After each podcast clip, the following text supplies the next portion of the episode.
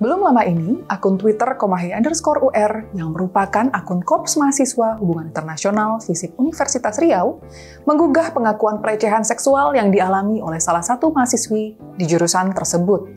Korban yang berinisial LM itu mengaku dilecehkan oleh dosennya saat melakukan bimbingan proposal skripsi. Tweet tersebut pun langsung menjadi viral. Benarkah tuduhan tersebut? Lalu bagaimana kelanjutan kasusnya? Saya Yorin Halatu, welcome to Headline.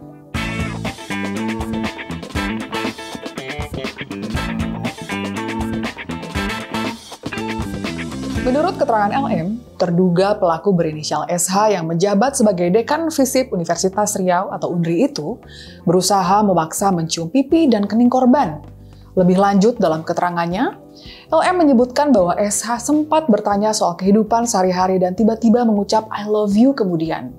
Saat mahasiswa itu hendak pamit, SH secara tiba-tiba memegang tangan LM dan mencium pipi kiri serta keningnya. Akibat peristiwa tersebut, korban mengakui mengalami trauma.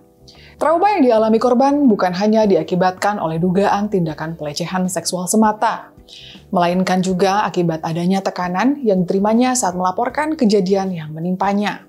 Korban ditertawakan saat mengadu ke salah satu dosen yang menjabat sebagai kepala program studi HI di fakultasnya. Tak hanya itu, korban juga mengaku ditekan untuk tidak mengadukan masalah itu dan diminta untuk mengajukan penggantian pembimbing. Parahnya lagi menurut penuturan LM, ia malah diminta untuk sabar dan tabah saja menghadapi masalah ini. Dia juga dinasehati agar jangan sampai karena kasus pelecehan ini, terduga pelaku bercerai dengan istrinya. Kalau keterangan LM ini benar adanya, para akademisi yang memberinya nasihat itu betul-betul sudah kehilangan akal sehatnya. Orang trauma akibat dilecehkan kok malah disuruh sabar saja. Terus disuruh berpikir agar pelakunya jangan sampai cerai. Keterlaluan sekali perlakuan ini. Dan semakin memperburuk citra kampus dalam melawan kekerasan seksual.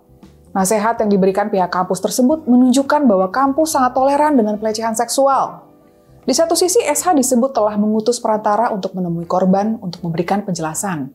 Melalui perantara tersebut, SA sudah mengakui bahwa dirinya memang mencium LM, namun ia mengklaim bahwa tindakan mencium itu dilakukannya sebagaimana orang tua kepada anaknya. Gila betul ya respons ini. Orang tua bukan, saudara bukan, main asal aja nyosor abis itu pakai alasan itu seperti orang tua ke anak sendiri. Betul-betul absurd. Oleh karena keabsurdan itu, wajar saja pihak korban dan keluarganya tidak menerima penjelasan tersebut dengan baik. Pada 5 November 2021 lalu, Pihak korban dan keluarganya justru mengambil langkah tegas dan melaporkan Esa ke Polresta Pekanbaru. Setelah kasus ini meledak, pihak kampus pun mulai menunjukkan etikat baik dan mengambil langkah konkret untuk memproses kasus ini dengan serius. Pihak Universitas Riau pun membentuk tim pencari fakta yang berdiri sebagai tim independen untuk menginvestigasi kasus ini. Wakil Rektor 2 Universitas Riau, Profesor Sujianto, mengatakan bahwa pihak universitas tidak mau melibatkan Senat Universitas Senat fakultas, pimpinan universitas, maupun pimpinan fakultas dalam tim independen tersebut. Sujianto mengatakan TPF dicanangkan untuk mulai bekerja pada 8 November 2021 untuk melakukan investigasi pada pihak-pihak terkait. Dia juga mengatakan pihak kampus akan menjamin keselamatan korban dan menjaganya dari intimidasi atau ancaman dalam bentuk apa pun. Tapi, Baru beberapa saat setelah TPF berdiri, SAH didampingi kuasa hukumnya justru melaporkan LM dan akun Komahi underscore UR dengan delik pencemaran nama baik, berlandaskan UU ITE dan melayangkan tuntutan sebesar 10 miliar rupiah kepada masing-masing pihak terlapor. Hingga saat video ini dibuat, kasus tersebut masih dalam tahap penyelidikan. Kasus pelecehan seksual di lingkungan universitas memang bukan hal yang baru. Biasanya memang kasusnya sulit diusut sampai tuntas sehingga tak jarang pelakunya pun tidak mendapatkan konsekuensi apa-apa. Sementara korbannya harus membawa trauma yang dialaminya seumur hidup.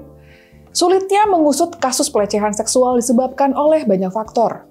Salah satunya adalah korbannya sendiri jarang melapor. Tentu saja ini juga bukan tanpa alasan. Ketika melapor secara privat kepada pihak institusi terkait, misalnya saja seperti kasus LM yang melapor kepada dosennya. Laporannya disuruh dihentikan begitu saja dan ia malah disuruh bersabar. Terus pilihan lainnya apa coba? Ya melapor ke publik kan? Tapi kemudian dia terancam di penjara. Karena adanya UU ITE yang sudah sering dipakai untuk memenjarakan korban. Jadinya wajar sekali kalau banyak korban memilih diam saja.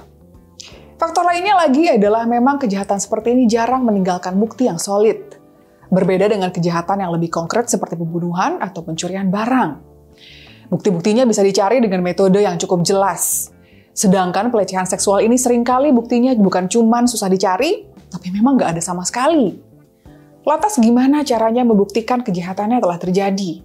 Ya paling tinggal berharap pelakunya mengaku. Yang mana hampir mustahil kan? Ngapain orang ngaku salah coba?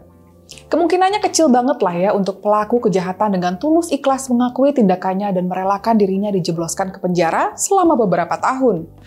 Oleh karena faktor-faktor inilah kasus pelecehan seksual jarang bisa diusut dan pelakunya sering kali tidak menerima konsekuensi apa-apa.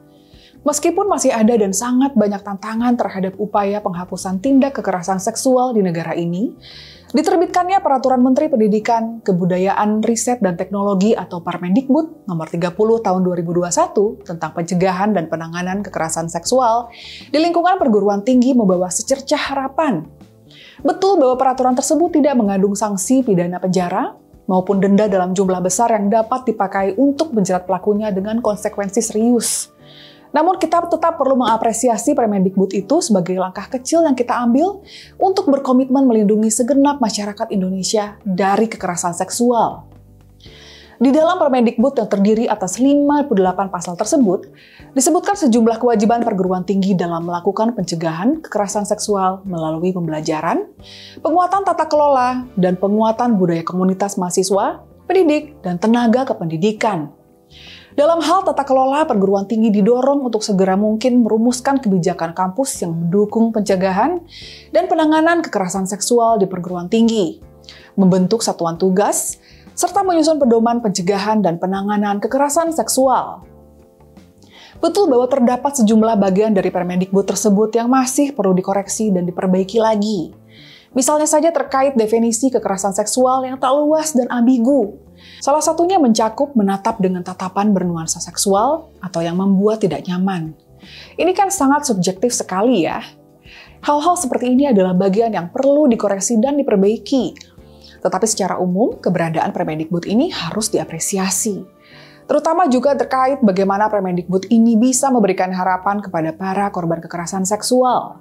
Permendikbud ini menunjukkan bahwa suara mereka didengar, bahwa penderitaan mereka tidak diabaikan begitu saja, dan bahwa pihak yang berkuasa didorong untuk hadir mengupayakan keadilan bagi mereka. Untuk terbitnya Permendikbud ini, saya mau berterima kasih banyak kepada Mas Menteri Nadiem Makarim.